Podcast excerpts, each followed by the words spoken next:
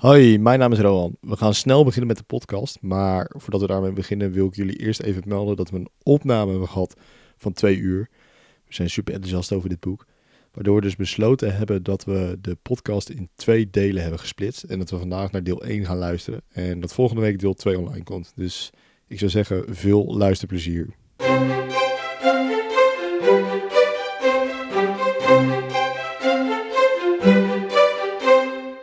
Hoi, mijn naam is Rowan. En de mijne Lucas. En vandaag beginnen we met een nieuwe serie. Eigenlijk de eerste echte serie binnen Vita Studia. Zeker. Lucas. Primeur. En een primeurtje, weer een primeurtje. Nou, de eerste gast hebben we nu eh, Ja, het gaat hard, hè? een primeurtje met, eh, met een serie te pakken. En eh, dat willen we eigenlijk maandelijks gaan doen. Zullen we zo wel op terugkomen. Maar natuurlijk willen jullie eerst weten. Nou, misschien heb je de titel wel gelezen. Hè? Wat zou het nou, waar zou het nou over gaan? We gaan het hebben over boeken. Boeken staan centraal. We Zeker. heel erg geloven dat daar heel veel wijsheid in zit. Absoluut. En eh, wij er heel veel wijsheid uit halen, of niet, Lucas?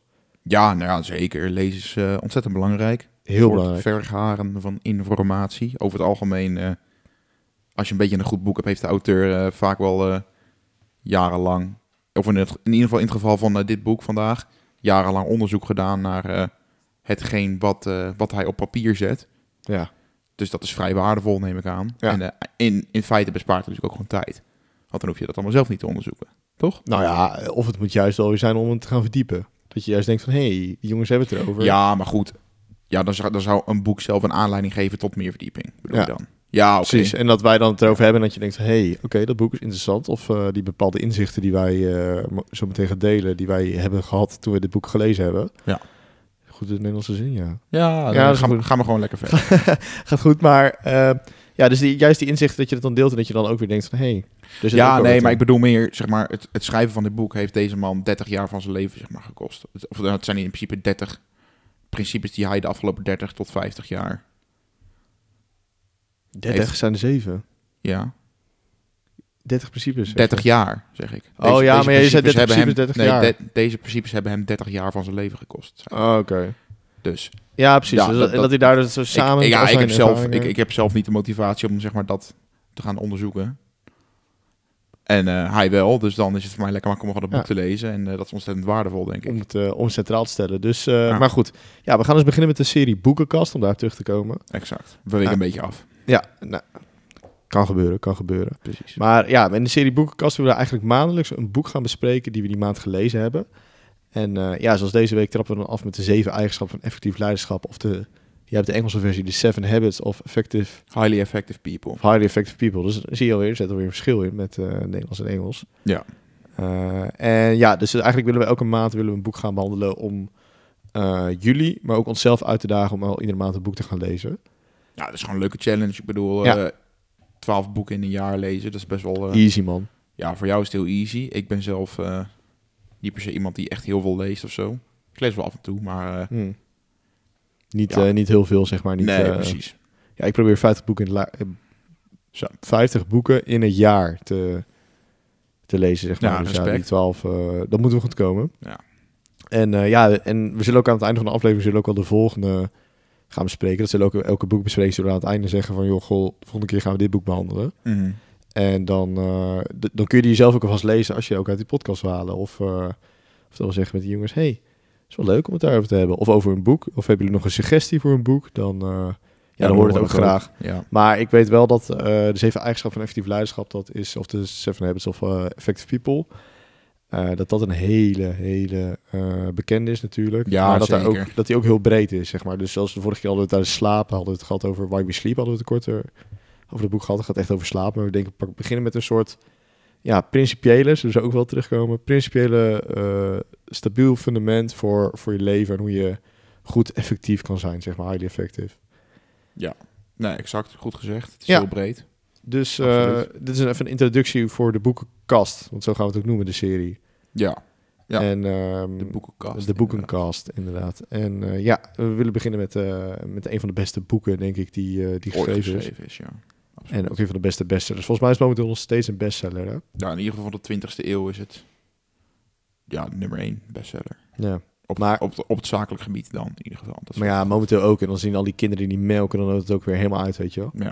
Dat is Ja. echt... eh, en ook voor, stien, eh, voor tieners hebben ze, voor studenten, voor... eh, Families. Families hebben ze inderdaad... Leiderschap. Ja, leiderschap is eigenlijk meer dat in bedrijven. En, eh, dus ze, Ja. ze hebben ook heel veel versies daarna weer gemaakt. Ja. Eh, maar goed, we hadden het net al over de auteur Stephen Covey, heel kort. En eh, Stephen Covey is de auteur van dit boek, van dit fantastische boek. En zoals jij al zei, 30 jaar heeft hij ongeveer over gedaan om, om al deze lessen, die levenslessen, te leren. Ja. En we willen natuurlijk ook altijd, voor de boekkast begint, willen we natuurlijk wel een beetje achtergrondinformatie hebben. En eh, daarmee willen we beginnen bij Stephen Covey.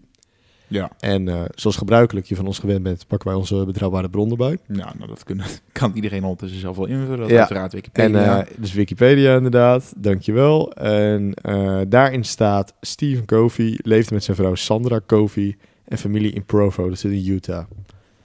Doe ermee wat je wil. Hm, hm, waar hm. ook de Brigham Young University is gevestigd. Covey was praktiserend lid van de Mormoonse kerk, waarvan de twee jaar in Engeland eh missioneren slash diende is dat dan. Dat is op zich wel interessant dat het wel dus ook een gelovig iemand is. Dus eh, Wat voor jou, eh Rowan? ja, dat is nog wel een beetje wat. dat is Alleen toch met- wel jouw gebied. Ja, maar de Mormoonse kerk, daar, eh, daar blijf ik liever van weg. Maar goed, dat, eh, nou, dat is, weer een compleet andere discussie. Dat is inderdaad weer wat anders, maar eh, goed. Lees volgens mij, lekker... eh, die gasten, nee maar even tussendoor, volgens mij geloven die gasten geloven dat Jezus ook in Amerika of zo is geweest. Volgens mij zijn zij dat. Maar ja, goed. eh, kijk, mijn verstand... Ja, oké, laat maar zitten. Dat daar ook, eh, de- zo erg afwijken. Dus lees maar goed, ja, de kerk. Eh, Dr. Covey gaf les aan de universiteit voordat hij succes had na het uitbrengen van zijn broek. Dus hij was een universiteitsdocent. Dat klopt. Hij was vader van negen kinderen en grootvader van 52 kleinkinderen. Zo, Flinke familie. die eh, laat wat achter. Naast een boekje een eh, flinke familie. eh. Hm. In 2003, 2003 ontving hij de vaderschapsprijs van de National Fatherhood Initiative. Ja. Oké, nou, dat zal vast een mooie prijs zijn. Hij overleed op 12 juli 2012 als gevolg van complicaties na een fietsongeval in april 2012. Nu gaan we het hebben over ja, eigenlijk waar Kofi dan achter staat. Hè, want dit is gewoon een beetje achtergrondinformatie van hem. Volgens Kofi was tot de Eerste Wereldoorlog succes vanuit de principiële levenshouding vooral samen te vatten in begrippen als nederigheid, integriteit, gematigdheid, trouw en geduld. Na de Eerste Wereldoorlog werd succes door een meer pragmatische levenshouding alles gedefinieerd. Succes wordt vooral afgemeten aan persoonlijke prestatie, vaardigheden en status. Komen we zo op terug. Ja. Want eh, daar heeft het ook eigenlijk gelijk over in het, eh, in het begin van zijn boek. ja, dat is dan... het- Ik heb dan het Engelse gedeelte gelezen, maar dat is dan wel personal ethic en Ja, character klopt. ethic. Ja, dus ja. je hebt een Nederlandse versie. Ik heb zelf de Nederlandse versie gelezen. Dat is misschien ook handig om te weten. En, ja, we eh, doen toch gewoon zoveel mogelijk in het Nederlands. Maar af en toe zal ik wel Engelse termen er doorheen knallen. Ja, Want- dat is wel ja, Lucas. eh, dat doen, Ehm, want die heeft hem zelf in het Engels gelezen. Weer ja. bij de grond, eh, grondtekst van eh, de Highly Effective People. Ja.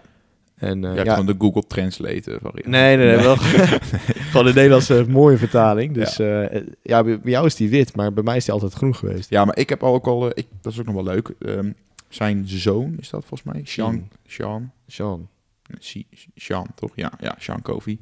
Ehm, en die heeft eh, in, bij mijn versie, dat is een wat nieuwere versie, die heeft nog commentaar gegeven op wat zijn vader heeft geschreven, zeg maar. Dus hij heeft het ook nog een beetje vertaald naar nog meer de huidige, de huidige tijd, Oh, ja. als het ware. Dus, Hij heeft wat uh, maar dat, gemoderniseerd. dat commentaar is niet per se eh, van de levensbelang of zo, hoor. Dus eh, we gaan nee, is dat niet, Nee. belangrijk? Niet super interessant of zo. nou goed. Nou, wat mij opvalt is dat hij heel erg al vanuit de principes leeft. Maar goed, daar komen we zo op terug. En dan willen we het ook nog natuurlijk even kort hebben over wat Wikipedia schrijft over het boek zelf. Ja. En dan gaan we echt beginnen, jongens, met dit boek in te duiken. ja, dan gaan we gewoon ons eigen huiswerk vertellen en niet alleen alles van Ja. Wikipedia. En niet van Wikipedia, maar eh, goed. Eh, The Seven Habits of Highly Effective People. Ik denk, doe ik in de Engelse. Voor het eerst gepubliceerd in 1989. Is een boek geschreven door Stephen R. Covey. Van het boek zijn meer dan 15 miljoen exemplaren verkocht in 38 talen. Ik denk dat het ondertussen wel meer zijn, maar... 15 miljoen vind ik nog wel meevallen dan. Ja, Voor, voor hoe bekend... Tenminste, ja, misschien dat wij dan in een bubbel leven, dat dat zou kunnen. Maar goed, de kernboodschap van het boek is dat zeer effectieve mensen een zevental gewoontes of routines hebben die ten grondslag liggen aan hun succes en dat iedereen deze gewoontes bij zichzelf verder, staat de zaakjes verder, kan ontwikkelen. Ja, ik ga even inbreken, ja.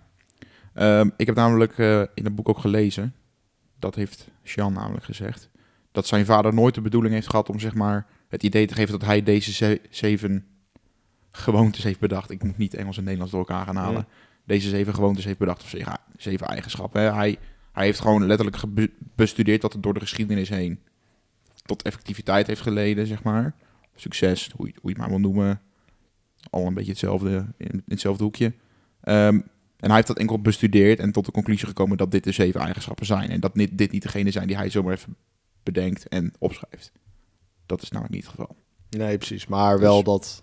Maar hij, is wel tot, hij heeft dit gewoon geconcludeerd, zeg maar. Dit is gewoon zijn conclusie van zijn studie van afgelopen... Ja, maar hij heeft wel zelf de principes bedacht. Nee. Jawel, want hij heeft toch onderzoek gedaan en daardoor dan... ja, en hij heeft die conclusie getrokken dat dit ze zijn. Ja. Dat is het meer. Dus- ja, zo. op zich wel bedacht. Ja, maar niet, het- hij bedenkt ze niet zomaar zelf op basis van Nee. niks. Met de vingerwerk. Ja, dat is het dus inderdaad niet. Nee, dat is niet. Maar eh, oké, goede nuance. Ehm, ja, oké, dan is dat een beetje de achtergrondinformatie. Kunnen we de administratie afwerken? Exact. Check. Eh, wat we nu gaan doen, is dat we eh, elk principe gaan behandelen. Hè, de zeven principes. Ja. Eh, die staan in dit boek. Mhm. Maar voordat we daarmee kunnen beginnen, is het goed om het eerst te gaan hebben over de fundamentele beginselen. die ook aan het begin van het boek staan. Yes. En ja, zoals jij ook zei in het voorwoord inderdaad, waar, wat daar geschreven is. En daarmee wil ik gelijk beginnen over principes. En eh, dat komt gelijk terug op wat hij zei van eh, dat er succes voor de Eerste Wereldoorlog echt meer werd gemeten door principes, zoals nederigheid, integriteit, gematigdheid. Mhm. En dat wij veel meer nu naar pragmatische dingen en naar resultaten zijn toe gaan leven. En ehm, dit boek is eigenlijk eh, gebaseerd op principes.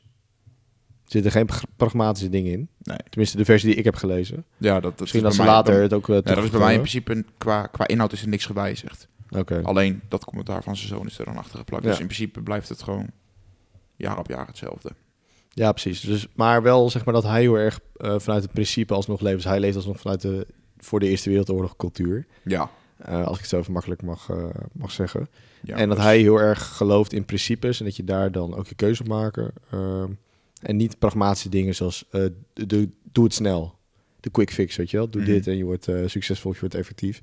Nee, het gaat veel meer over de grondslag en, eh, en de ondersteuning daarvan, zeg maar. Ja, dus hij maakt eigenlijk alle, nou ja, niet alle, maar een groot deel van de coaches tegenwoordig, of die beweren coach te zijn op YouTube.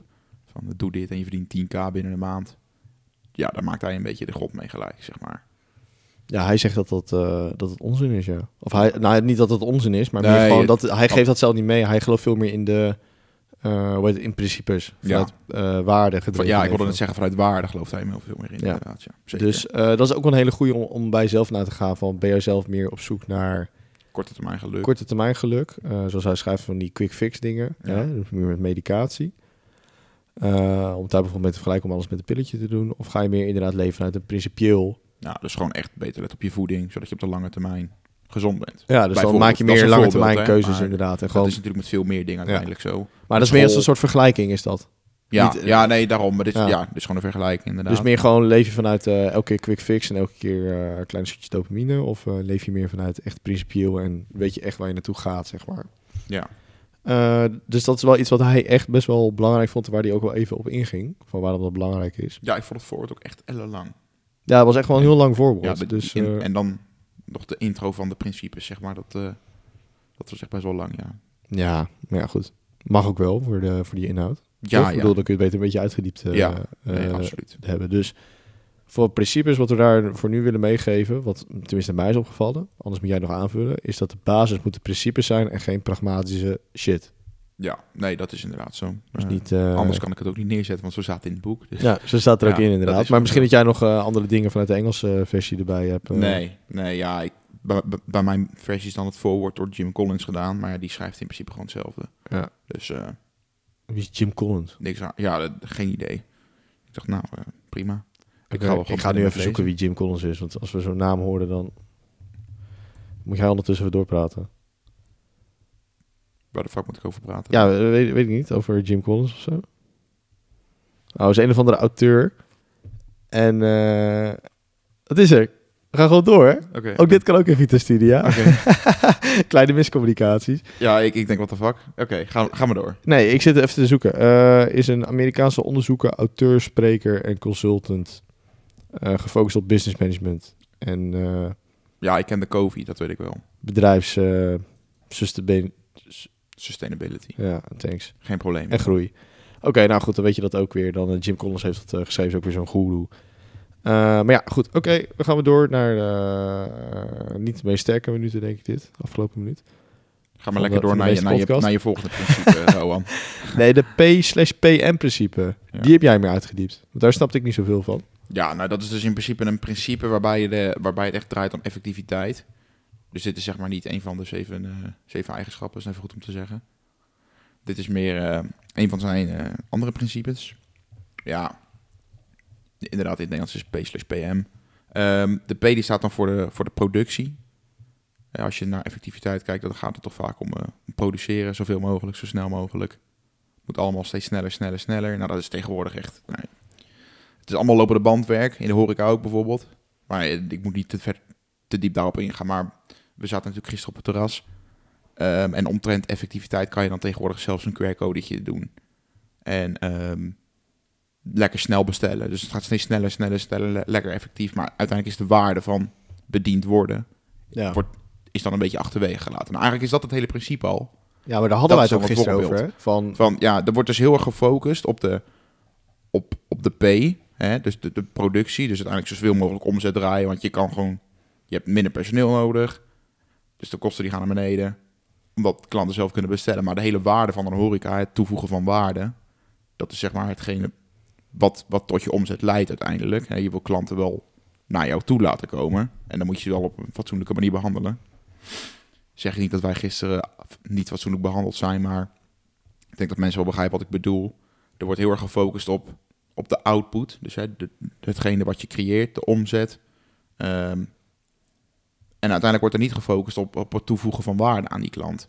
En dat is een beetje die PC, hetgene wat leidt tot omzet. Want ik zou eerlijk gezegd misschien niet meer terugkeren naar dat cafeetje. Ik vind het toch een beetje raar.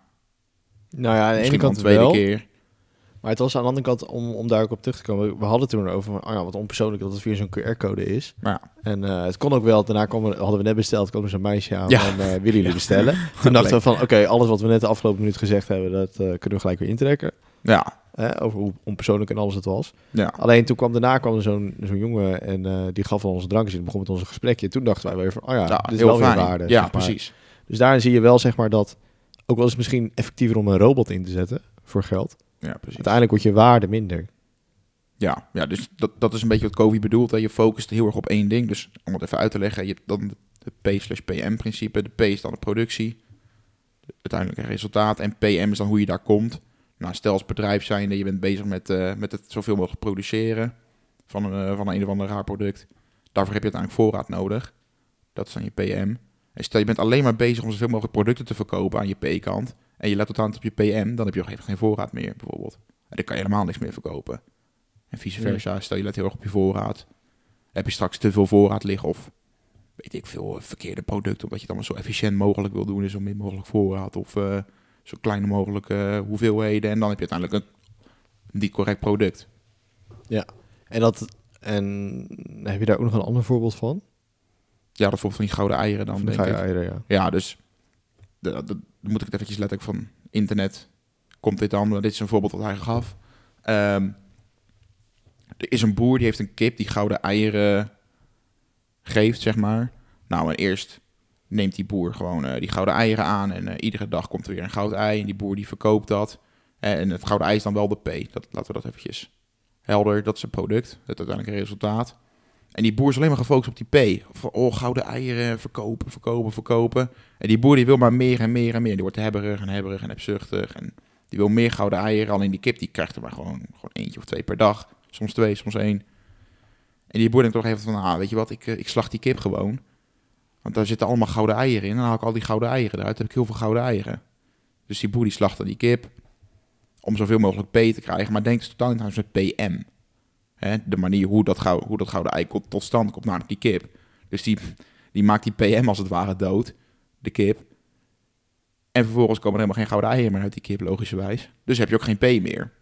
Dus wat dit principe dan zegt, is je focust je te veel op, op de P op dat moment, die gouden eieren. En uiteindelijk heb je helemaal niks, je met lege handen. Ja, Dus wat Kofi kip dan- en eh, ja, precies. alleen Exact. nog eh, iets voor op de barbecue een avondje en dan... eh, Ja, maar dat is uiteindelijk niet, je, niet, niet de P waar je naar op zoek bent. Nee, hij dat was niet natuurlijk je op zoek gouden eieren. nee. Dus ja, het, het- wat Kofi zegt is dat het heel belangrijk is om daartussen balans te vinden. En meer is niet altijd beter. Maar dat is wat, wat tegenwoordig echt gebeurt. Dat zie je echt. Dat, dat, dat- het wordt natuurlijk steeds, het moet allemaal steeds sneller en effectiever. En we, we zijn allemaal in de lopende band, maar ook bijvoorbeeld in ziekenhuizen en zo. Het gaat steeds effectiever, sneller. Ik zeg niet dat de zorg per se heel slecht is of zo in Nederland, maar dat, dat, dat merk je wel. Komt ook allemaal door, een beetje door personeelstekort wat er tegenwoordig speelt in Nederland. Ja, maar de hele persoonlijke waarde ervan is, is Exact. weg, zeg maar. Ja. Dat is meer de, de PM. Ja, ja, ja, ja, de Ja. manier hoe je komt tot uiteindelijk de productie. Ja, ja, ja. Ja. Die, eh, die vermindert. Dan zal de productie zo ook uiteindelijk verminderen.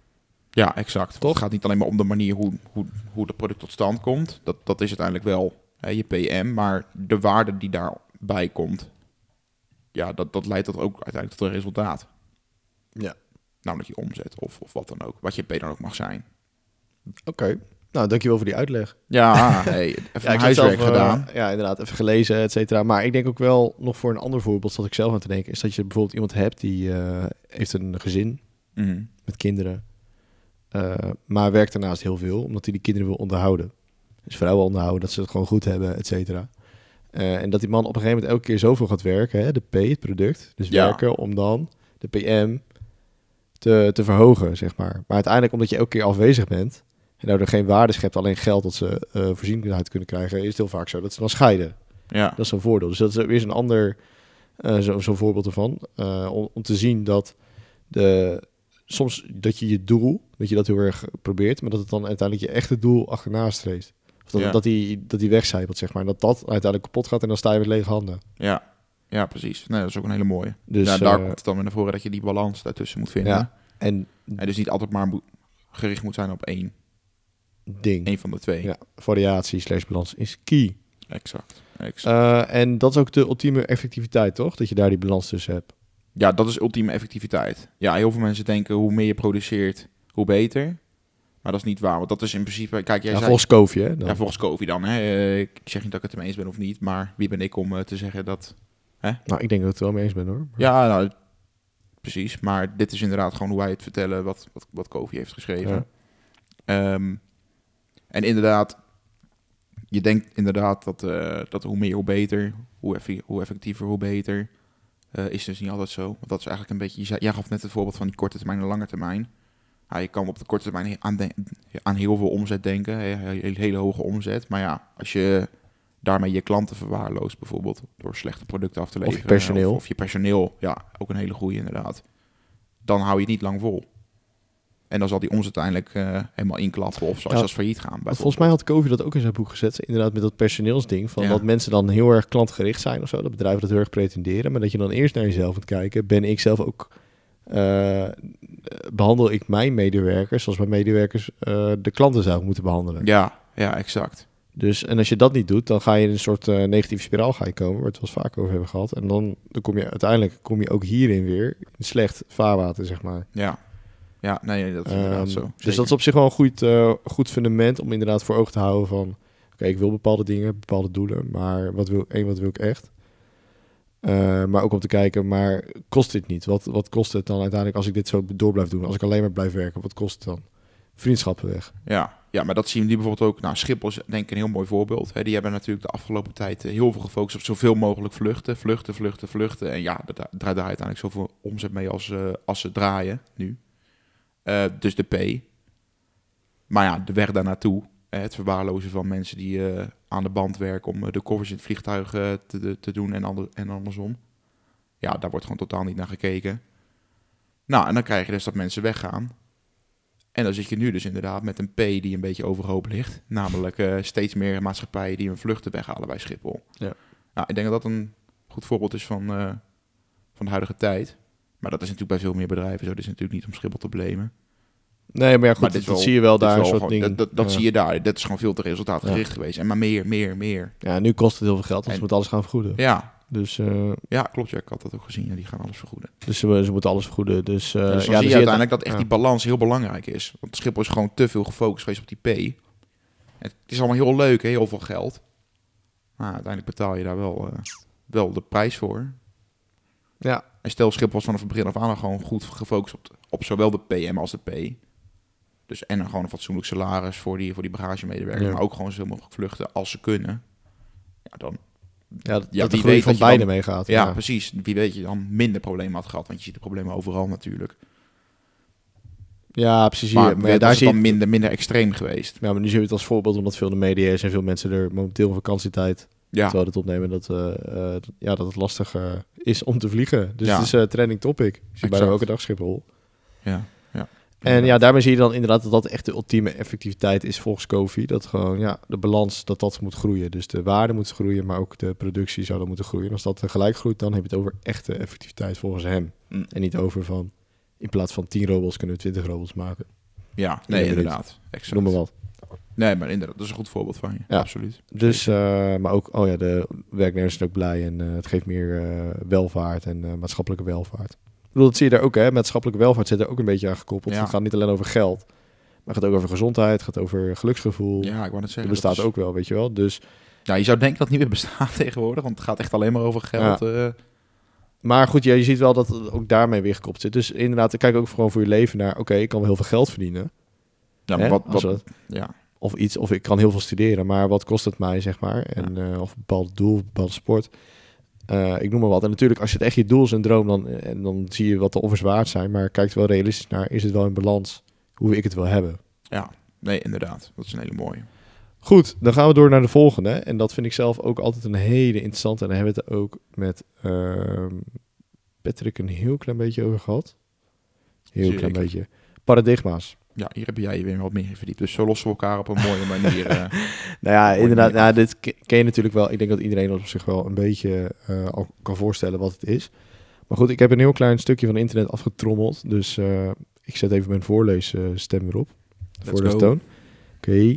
Paradigma komt van het Griekse woord paradigma. Sorry. Oh ja. ik had dat even niet gezien, maar volgens mij, ja, dat zou wel kunnen. Het betekent in feite een patroon, een model, een representatie. Iets dat voor iets anders staat. Dus ja, vertegenwoordiging of model eh, van iets, nou, nog een beetje vaag. Het komt voort uit het mentale beeld dat je in je hoofd hebt van hoe de dingen daarbuiten zijn. Dus Hm. een soort van ja, paradigma slash referentiekader. Dat is een ander ja, woord dat dat wordt het. gebruikt. Ja, exact. Ehm, maar paradigma is toch wel mooi. Mooi woord vind ik dat. Ja, mooi woord. Maar ter verduidelijking, Ja, ja, ter verduidelijking- toch wel... Ja, eh, referentiekader. Dus het is echt vanuit de bril waarop, en dat staat ook in dat boek, de bril vanuit waar jij kijkt naar de samenleving. exact. Eh, de beelden die we in ons hoofd hebben van hoe de dingen zijn, van de werkelijkheid, komen voort uit onze eigen achtergronden en onze eigen ervaringen. Dus inderdaad, hè, eh, een paradigma ontwikkelt zich ook, een referentiekader. Ja, Dus wat hier ook staat, dus door je eigen achtergronden, hè, dus door je opvoeding. Hè, ik bedoel, kijk eens naar een opvoeding van mij, iemand, die christelijk opgevoed is of iemand die eh, islamitische opvoeding heeft gehad. Ja, totaal andere, ander beeld van Dat is al een heel ander beeld, heb je al een heel ander beeld, eh, denk ik, van heel veel zaken. Ja, de mooie van zo'n paradigma is dat, dat jullie denken allebei dan, hè, degene die islamitisch is opgevoed en jij, om dat voorbeeld eventjes terug te halen, dat je, dat je het juiste beeld hebt in principe. Dat is het mooie van zo'n paradigma. Dat zie Ja. je hier ook staan. Maar ja, je, bent, je denkt allebei dat je het juiste, correcte beeld hebt. Ik vond het wel leuk. Ik zag het ook terug in het boek. Ja, Maar goed, ga, ga jij vooral verder ja met je nee, ja, verhaal. in- Ik- nee, ik maar inderdaad, het is wel even in. zo. Eh, ja, inderdaad ook omdat je ziet van weet je, je eigen ervaringen, ga je dan alvast koppelingen of Ja, dingen maken. Dat is ook bij de mensen zo, hè, dat ze dan sneller wat ze zien, dat, wat ze denken dat ze zien, dan zien ze dat. mm, En dan had hij ook zo'n hele mooie illustratie in, in dat boek. Maar ik weet even niet meer hoe die heet. Volgens mij kun je die ook op internet zoeken. Ja, dat je dan een oud vrouwtje kan zien of een, of ja. een hele jonge vrouw. Oh ja, ja, ja, ja. Nee, ik weet, ik heb dat voorbeeld gelezen, ja. Ja, Nee, inderdaad. Ehm, ik kan het voorbeeld even vertellen. Eh, er heeft dus een docent in de klas heeft hij een, eh, een foto van een, eh, van een dame. En dat is zeg maar een, een eh, foto waarbij er een mix is gemaakt tussen een 20-jarige en een 60-jarige. Dat zijn alle twee, alle twee dezelfde mensen in principe, alleen die zijn er gewoon gefotoshopt. En hij heeft dus de mix van die vrouw op, op, dat, eh, op, op een bord geprojecteerd. Hij heeft aan de ene helft van zijn klas heeft hij, ehm, de foto gegeven van de 20-jarige vrouw. En aan de andere helft van de klas de foto van de 60-jarige vrouw. En het mooie is dus, dan, dan gaat hij dus ehm, aan de ene helft vragen van de klas van... Ja, wat zien jullie nou? En iedereen die die 20-jarige foto heeft gezien, die zegt van... Ja, wij zien die 20-jarige vrouw eh, op, op het scherm. Terwijl dat dan vervolgens die, die andere helft van de klas... die gaat een keihard in discussie van... Nee, weet je, dit is tot een 60-jarige vrouw en... eh, Hmm. En eh, dat zie je toch aan, aan die rimpels. En nee, die rimpels, dat, is, eh, dat is een ketting veranderen. En, nou, dat is echt eh superleuk om te zien. Ja. En ik heb hem gevonden. dat laat dan inderdaad ook zien van ja, hoe jij naar de wereld kijkt, dat, dat wil niet zeggen dat een ander daarnaar kijkt of, of dat het überhaupt goed is. Klopt. Als je, op, als je nu denkt van... hé, hey, ik wil wat Lucas heel mooi heeft verteld. Ik zie nu ook voor me. Ik denk, eh, wow, mooie omschrijving. Ja, jij kan al toch even een voorbeeld in en ondertussen moet ik dat even gaan uitleggen. Ja, jij Dus, legt eh, het even uit, maar je wist... eh, ja. Dan kon ik het ondertussen opzoeken. En het Ja. is de illustration para- eh, ja, paradigma van Covey, zeg maar. Ja, Dus dan zie je dat gewoon. En dan, eh, ja, dus als je eigenlijk paradigma en dan illustratie opzoekt... ehm, dan zie je al heel snel die, die foto. Dan kun je het inderdaad eh, beide zien. Dus dan zie je de kracht van een paradigma, hoe je dat... eh, ja dat was dan net enkele voorbeeld, maar zo is het natuurlijk wel. Dat, dat, dat is gewoon, ja, dan heb je een bepaalde, bepaalde voorkennis op basis van, nou ja, in dit geval dan eh, informatie die de docent heeft gegeven. Ja, maar goed, er is ook bijvoorbeeld iemand die alleen maar voetbal kent. Ik ga sporten. Mhm. Iemand die alleen maar voetbal kent. Die zou zeggen, ja, je kunt het bal kun je het verst krijgen met je voet. Ja, Maar iemand die, eh, of weet ik veel, korfbal of zo zit, die zou zeggen, nee, ik kan dat alleen maar kent. Nee joh, met die voeten kun je helemaal niks mee.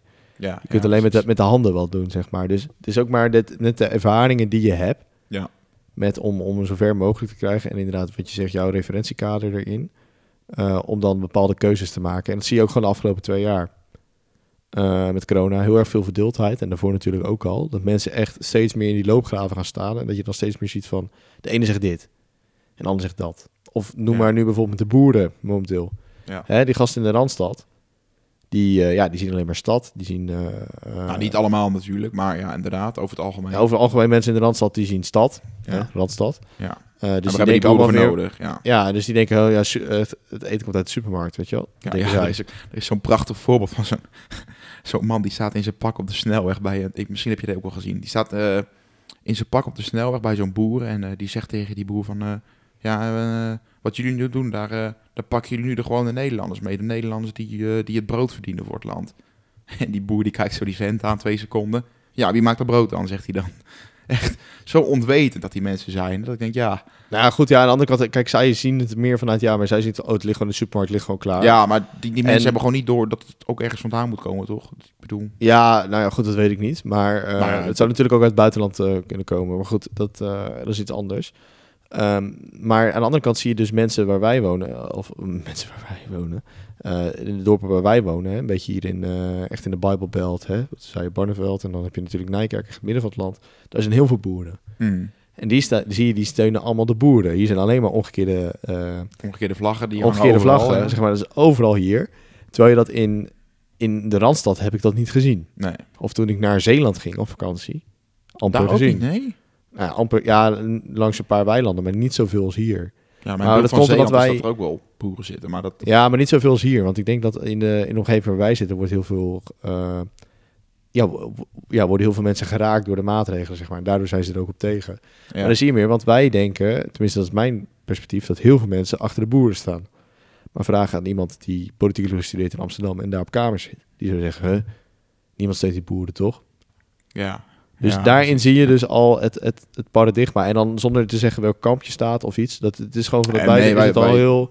Wij houden ons hier compleet eh, vanaf. Is het inderdaad zo, maar dat is ook niet relevant. Alleen, Nee. je kunt daarin wel zien, dat is een heel mooi typisch voorbeeld momenteel van wat is jouw referentiekader, wat is jouw, jouw beeld van bijvoorbeeld ook het nieuws, hè, wat in de maatschappij gebeurt. Hè, met corona kan ook, en met de boeren. Eh er zijn zo uiteenlopend zijn ze.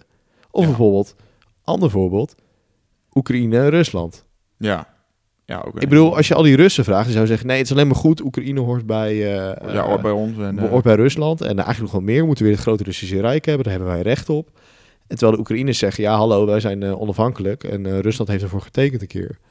En eh, nu vallen ze opeens ons binnen. ja, valt voor beide wat te zeggen, zou Ja, je zo zeggen. Dus, Maar- eh, dus, hangt ja, dus, van, dus, ja. dus het hangt ervan af, wat is jouw achtergrond, wat is jouw kennis. Eh, en welke informatie ja, je ook krijgt tegenwoordig. Is natuurlijk ook weer... eh, sommigen zitten alleen maar social media, die zitten dan in een bepaalde bubbel. Andere mensen... ja, alleen maar het nieuws bijvoorbeeld. Of, Ja, dus, dat is ook... eh, dus het zijn allemaal, allemaal bubbels, zijn het, zeg maar. En dat nou, is en wel... bijvoorbeeld, ik, ik kan het ook wel over mezelf zeggen, denk ik. Want ik ben zelf iemand die eigenlijk heel weinig naar het nieuws kijkt. Ehm, om verschillende redenen.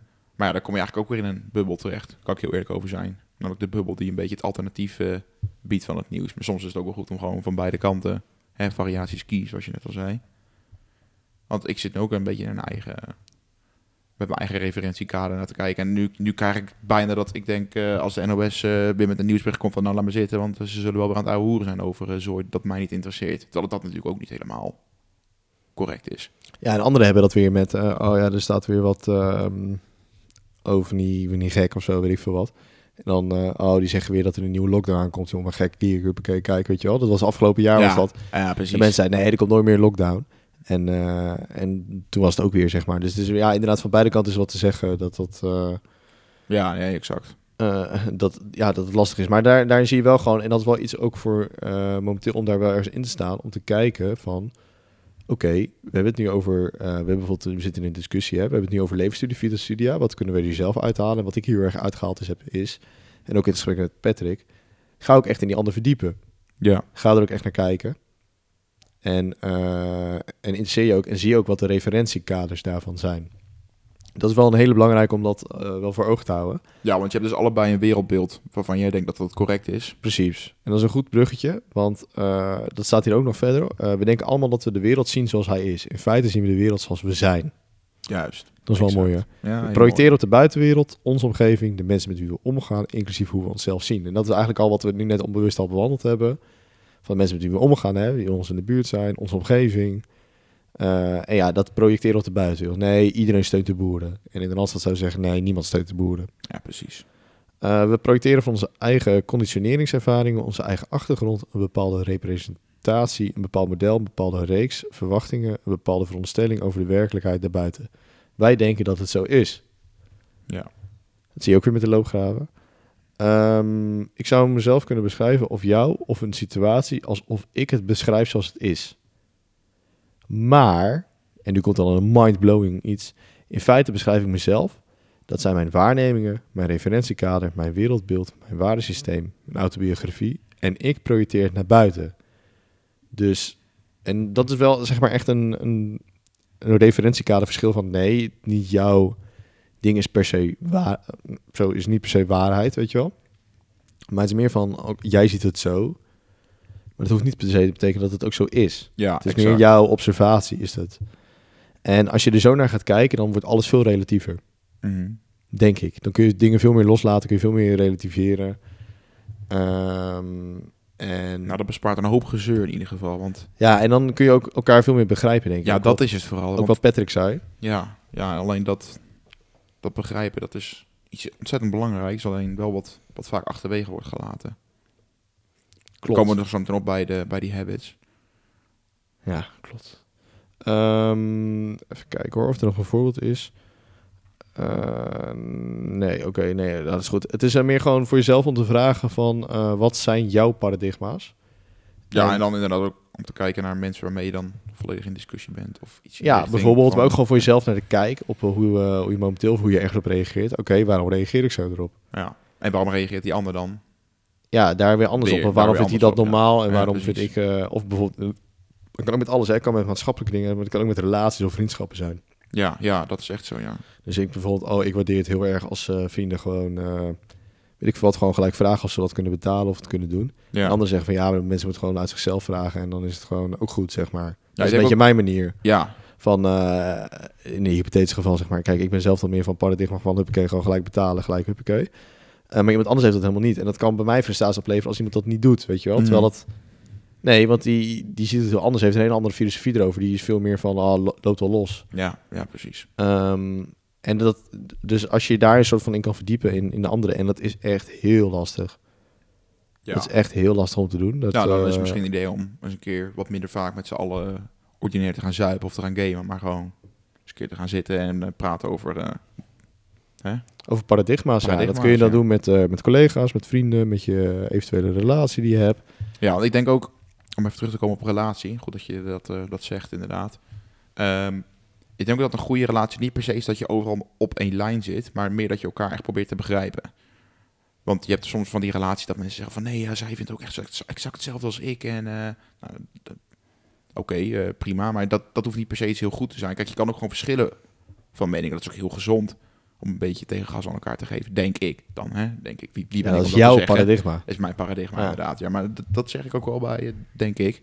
Maar ik denk dat het juist heel mooi is om elkaar gewoon echt te begrijpen. En te begrijpen waarom iemand- anders denkt dan jij. En dat hoeft niet per se te zijn dat je dan eh, geen relatie kan hebben of zo. Ik denk dat het heel gezond is juist om elkaar te begrijpen, te accepteren dat je anders bent en het daarbij gewoon te laten. En dan kan je er ook gewoon rekening mee houden op het moment dat je met een persoon in discussie gaat. Klopt. Dus eh, ja, dat zijn ook wel belangrijk. Maar dat, dat zuipt ook straks weer door in de principes. Ik hoor al een paar Ja. dingen en ik denk van, oh ja, je hoort alweer in principes dat dat... eh, dus, maar dit zijn eigenlijk wel zeg maar de, de fundamenten die we mee willen geven. We zijn ondertussen bijna 40 minuten bezig, maar eh, we hebben Zo. nog geen één, Jeetje mine. één ding behandeld.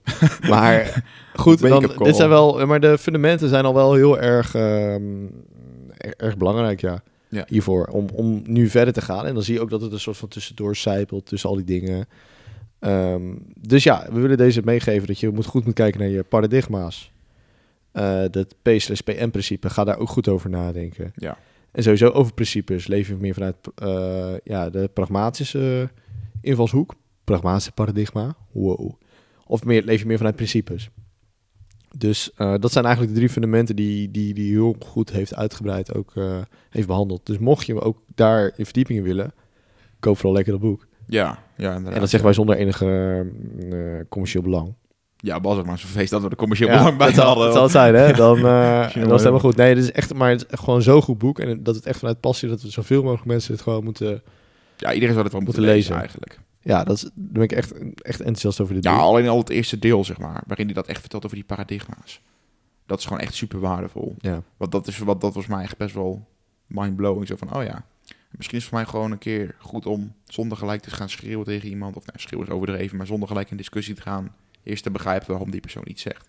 Maar dan ga ik nu te veel al naar de habits toe. Moet er wel naartoe, maar dat Ja. pas habit 4 volgens mij. eh, of Maar goed, ja, de, de fundamenten die staan, eh, staan vast. Dus, ja, eh, exact. dus we kunnen mooi doorgaan. En de eerste habit, Ja. eigenschap, is proactiviteit. Wees proactief. En dan, Lucas, wat is volgens jou proactiviteit? Eh, niet reactief in ieder geval. Ja, Nee, maar eh, proactief, ja, dat is het natuurlijk hetgene waar je in principe invloed op hebt. Je, het, er wordt een heel mooi, uh, ik blader ondertussen eventjes eh, in mijn schriftje. ja, dat hoor je wel, maar, maar ja. Ehm, je hebt natuurlijk, ja, in dit boek wordt gesproken van een cirkel van invloed en een cirkel van eh, concern in mijn boek. Ehm, en die cirkel van concern, dat is zeg maar hetgene waar jij geen invloed op hebt. Alleen, het gaat tegenwoordig wel steeds meer over hetgene waar jij geen invloed op hebt. Heel veel mensen maken zich daar ontzettend druk om. Terwijl het juist ontzettend belangrijk is om je te focussen op datgene waar je wel invloed op hebt. Ja, maar dit, dat is, wacht even, dat is een stapje dieper nog, zeg maar. Dat is een beetje de uitbreiding van, eh hoe heet het, van die proactiviteit. Maar wat is proactiviteit überhaupt in het algemeen? Waar moeten mensen aan denken als ze dat woord horen? Weet je dat? Weet je het niet? Ik heb geen idee. Nee, heb je geen idee? Oké, ja, ik had het zelf eh, even opgeschreven voor mezelf. Proactiviteit is het op eigen inzet tonen zonder dat anderen daarop hoeven aan te sturen. Je neemt zelf de regie in handen, kijkt vooruit en anticipeert al op zaken voordat het aan de orde is. Met het laatste weet ik niet of ik het daar helemaal mee eens ben, maar... eh, want soms is anticiperen goed, maar je kunt dan ook weer helemaal gek worden in je eigen anticipatie. Dat je, weet je wel, dat je alle scenario's weer gaat uitwerken. Dus dat is Mhm. ook weer niet effectief, lijkt mij. Eh, je maakt keuzes en neemt de verantwoordelijkheid voor de gevolgen ervan. Door proactief te handelen trekt deze persoon de controle naar zich toe en daaruit vloeit een grotere invloed. Een proactieve houding straalt zelfverzekerdheid uit en wordt vaak zeer gewaardeerd door werkgevers en leidinggevenden. Nou, ik vind het niet raar dat ik niet... niet eh, Ja, het is best wel een uitgebreide, is het zo. Maar ik denk, eh, af en toe eh, leefstudies moet ik een beetje uitgedaagd worden, mhm. Eh, en inderdaad, hier staat ook dat hij wordt geïntroduceerd door de Amerikaanse auteur Stephen Covey. Ehm, oh ja, dat staat hier dan ook bij. Ik heb dit trouwens van, ook van een website al voor. Wanneer iemand te proactief is, kan dit leiden tot weinig ruimte voor spontaniteit. Ja. Ook kan deze persoon te veel de controle willen hebben en te weinig aan anderen over willen laten. Oftewel, balans. Weer ook hierin. Ja, ja, ja. Eh, maar ik denk dat het wel belangrijk is, als je dan zou moeten kiezen, kun je lekker beter proactief zijn. Eh, ja, en- want, ja, inderdaad. Zeker. en inderdaad gewoon het, eh, het zelfbeheer. Dus misschien sommige mensen zullen wel denken, oh, dit is echt iets voor mij. En sommigen zullen zeggen, oh, dit is echt totaal niet voor mij. Maar goed, misschien dat we ze kort stap voor stap moeten behandelen, is het op eigen initiatief inzet tonen. Dat is eigenlijk al iets van, oké, we gaan niet ergens op reageren, maar we gaan er gewoon Vanuit jezelf. echt vanuit jezelf Ja. al gaan we actie ondernemen. Mhm. Eh, en soms is dat al inderdaad meestal om, zonder dat anderen dat hoeven te doen, maar meer dat je het vanuit jezelf doet. Dus dat je jezelf bewust bent. Dat is heel belangrijk. Eh, je neemt zelf de regie in eigen handen. Hè? Dus eh, daardoor, omdat je die actie onderneemt, dan neem je zelf de regie in handen. Kijk vooruit. Ook belangrijk, hè? Met, eh, zo met het tweede principe begin met de einde eh, in gedachten. Het, het natuurlijk ook allemaal elkaar door. Maar het is ook belangrijk inderdaad om te zien van vooruitkijken wat je doet. En daarop dan je keuze te maken. En dan anticiperen op zaken die aan de, voordat ze eigenlijk aan de orde zijn. Maar, zoals we zeiden, balans. Hm. Eh, keuzes maken, dus eh, ook keuze en eh, gericht en eh, besluitvaardig zijn. En de verantwoordelijkheid nemen voor de gevolgen daarvan. Want ja, dat is wel heel belangrijk, want heel veel mensen maken ook vaak keuzes en nemen ze geen verantwoordelijkheid ervoor. Ja, Hoe- of eh, je geeft je eh, docent de schuld van een slecht cijfer bijvoorbeeld. Ja, bijvoorbeeld ja, dat het het hele blamen ervan eh, Ja. is, ja. En ja, door proactief te handelen trekt deze persoon de controle. En ja, dus dat heb je wel. Je hebt dan meer controle over je eigen leven. Ja. En dan kunnen we een mooi bruggetje maken naar de verdieping die jij al mooi aansneed. En waar je volgens mij heel uh, over bent. Over de cirkel van invloed en de cirkel van betrokkenheid. Ja, ja, inderdaad, ja. Ja, dat is dus, ja, zoals ik net al zei, inderdaad, ehm, op die cirkel van concern, dat is in principe niet op invloed van jou. Ja, je, je, je kan daar niet heel veel aan doen. Denk aan het weer, heel simpel voorbeeld. Kan je niet heel veel aan veranderen, volgens mij. Ehm, Nou, je kunt lekker gaan mekkeren, want je ziet het heel vaak met mensen met weer. En dit voorbeeld was volgens mij ook echt aangehaald in het boek inderdaad. Maar je ziet bij weer mensen die, eh, die lopen te klagen. en- lopen te klagen en dan, Ja. oh, we zijn productiever als, als het de zon schijnt, Als- wel, als het 20 ja. graden is. Wij zijn veel minder productief en zijn veel zagrijniger als het slecht is. ja. Nee, het is soms ook gewoon een Maar gegeven. dat is heel reactief in principe. Dat is reactief zijn, ja. En het is juist productief om te zeggen, oké, oh ja, het regent nu, ben ik, ik moet wel naar buiten. Oké, dan doe ik een regenjas aan, dan word ik ook niet nat. Ja, Weet je wel, het is niet optimaal, maar goed, zo be it. ja, dus proactief wat Rowan al zei, is inderdaad gewoon eh, zelf zeker zijn van jezelf. En gewoon lekker eh, bijvoorbeeld gaan hardlopen buiten, ondanks de, ondanks de regen of wat dan ook. Even een Ja. simpel voorbeeld tussendoor. Maar, Ja. Ja, En mensen die reactief zijn, ja, eh, slecht weer of eh, andere gebeurtenissen waar jij niet heel veel aan kan doen, maar wel excuses dan ondertussen voor gaat zoeken. En je zei net al van die verantwoordelijkheid. Dat is dus gewoon totaal geen verantwoordelijkheid nemen. Dan schrijf je het af op iets. Of iets anders, inderdaad. En gewoon van, Ja. oh, het slechte weer. Of, eh, ja, inderdaad wat je zegt met, oh, niet goed geleerd. Maar ja, goed, de docent heeft ook niet goed uitgelegd. Dus het ligt sowieso aan de docent. Ja, precies. Dat inderdaad. Weet je wel? Ja. Ja. Of, eh, of ik veel wat, ja, ik zit in, weet ik veel, ik, ik heb heel veel schulden. Maar ja, het komt door de, doordat ik te veel belasting moet betalen. Ja. Weet je wel, dat soort dingen waar je gewoon zelf geen, geen invloed op, eh, op hebt, inderdaad. En wat je ook vaak met eh, voorbeelden van productieve taal, dat vond ik echt een heel mooi voorbeeld, is ehm, dat je zeg maar taal hebt als van, oké, ja, ik kan dit niet, of we gaan nu weer zien hoe we het gaan doen. Weet je wel, daar zit een heel verschil in. Dus ik kan het niet is een, eh, ja, is gewoon een taal van reactiviteit. Ik kan Mhm. het niet. En eh, ik kan het, ja, ik heb de skills ervoor niet. Het is knap dat zij het kunnen, ik kan het niet. En anders zeggen we, oké, maar we moeten leren en trainen hoe het wel kan, zeg maar. Dat is Ja, al een exact. verschil. En dan, ja, dan Ja, dat reageer je nergens op. echt gewoon- Echt heel erg denken in excuses, hè. Ja, Dat, dat is het vooral. klopt. Dus Ja, dus, dus een proactieve houding daarin is, eh, is inderdaad heel, heel belangrijk. ja, absoluut. Ik moet zeggen dat ik af en toe ook zelf nog wel een beetje reactief ben, hoor, eerlijk gezegd, eh, Rowan. Maar ik denk dat niet iedereen, of dat er niemand 100% proactief is. Nee, dat, dat geloof ik ook niet, nee. Nou, misschien dat er wel mensen zijn. Maar ehm, ik doe nog af en toe wel eens een, eh, een cijfertje af, van school afschuiven op eh mijn projectgroep of, eh, of een slechte docent of Ja. iets in die richting. Dat is Ja. op zich ook toch wel een beetje, beetje gezond. Mm, Ja, li ja, ligt eraan tot een bepaalde hoogte dat je het echt je dingen gaat, je leven gaat beïnvloeden, weet je wel. Dan is het Ja, maar ja, kijk, dat, dat, dat, zeg ik ook niet. Ik bedoel, Nee, is alleen af en toe. Bij mij. af en toe. Heel makkelijk. Van nee. Ja, Ja, vandaag goed. niet. ja, of eh, bijvoorbeeld, oh, ik heb heel veel, veel te veel gedronken. Ja, hoe kwam het? Ja, een vriend van mij, die gaf me nog een biertje. Ja, Tweede te twee. Tweede te drie. Ja. Dat is reactief. Toch? Ja, maar trouwens ook een, een element is van reactiviteit is dat je heel erg in de waan van de dag leeft. Ja, ja. Dus dat je meegaat met wat de, de, de current thing is, zeg maar. Echt, hè? En eh, wat er nu dan, zeg maar... Ja, nou goed, wat er dan speelt of weet ik veel wat. Dus, eh, oh, het ene moment zijn we helemaal blij dat Max Verstappen wereldkampioen is. En het andere moment zijn we helemaal bedroefd, want... eh, weet ik veel, Ajax heeft verloren of weet ik veel, wat Nederland zelf heeft weer verloren. Dan moeten we daar allemaal daar maar weer. Dan, eh, weet je wel, dus dat is heel reactief. Maar als je dan juist proactief bent, dan kies je zelf veel meer van... Oké, wat vind ik belangrijk? En daarin dat je het kan zien en dat je daardoor niet meer reactief bent. Nee, nee, precies. Ehm, ja, dan richt je je eigenlijk alleen op de zaken inderdaad waar je op je wil richten. En laat je niet eh, afleiden door andere dingen. Dat is ook wel eh, proactief. Ja. Maar goed, toch nog die cirkel van invloed versus betrokkenheid. Dat is wel eigenlijk het meeste de kern die ik vond eigenlijk bij productiviteit. Wil jij er wat meer over vertellen? Moet ik er wat meer over Ja, je hebt, zo, eh, je hebt zoveel verteld, dus het is wel duidelijk. ja, ook over de van cirkel van invloed. Da- ja, dat is datgene waar je dus wel invloed op hebt. Ja, dus, dus Dus inderdaad je, gewoon... je sociale vaardigheden bijvoorbeeld, Ehm, je financiën, heb je uiteindelijk allemaal zelf invloed op. Ja, er zijn natuurlijk wel omstandigheden, maar dan is het weer van... Ja, maar ga je om met omstandigheden? kijk, Ja, ja precies, exact.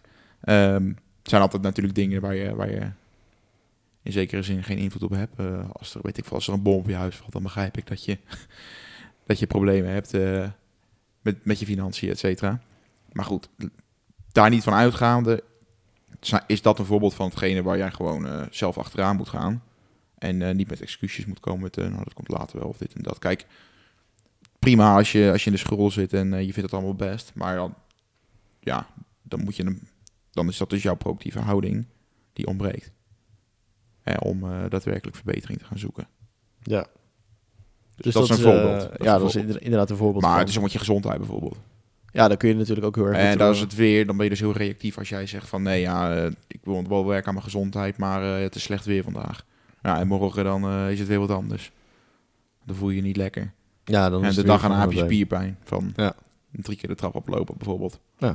En dan, Excuses, niet... excuses, excuses. Ja, zeg maar. Dus en dan is het weer weekend. Nou. Ja, hè, weekend moet je weer uitrusten. Ja. En ja, daar zijn dingen ook belangrijk. Maar gewoon eigenlijk bij die cirkel van invloed vind ik ook wel gewoon mooi dat je dan, wat hij heel erg zegt, dat je je eigenlijk daarop moet focussen. Wat kan ik veranderen? Dus inderdaad aan de situatie, hetzelfde met de regenjas of financieel inderdaad. Oké, ik heb nou een tegenvaller financieel. Wat Ja, kan ik je doen om Ja. het meer te, verzinnen, eh, meer te verbeteren? Oké, ik weet dat er een economische crisis is, maar hoe kan ik de kansen zien daarin?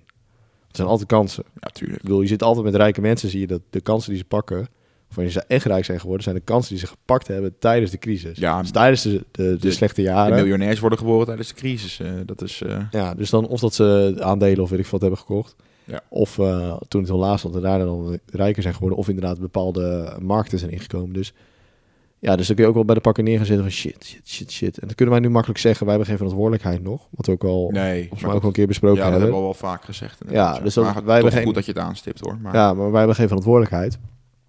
En dus daarom kunnen wij er misschien wel makkelijker zeggen, kunnen wij makkelijker die kansen pakken. En als je meer verantwoordelijkheid hebt, ben ik ook meer van bewust van. Dan moet je ook meer, eh, dan kun je dat ook minder snel doen. nee, nee, Maar alsnog is het wel, kan iedereen alsnog proactief zijn, zeg maar. zeker, daarin. absoluut.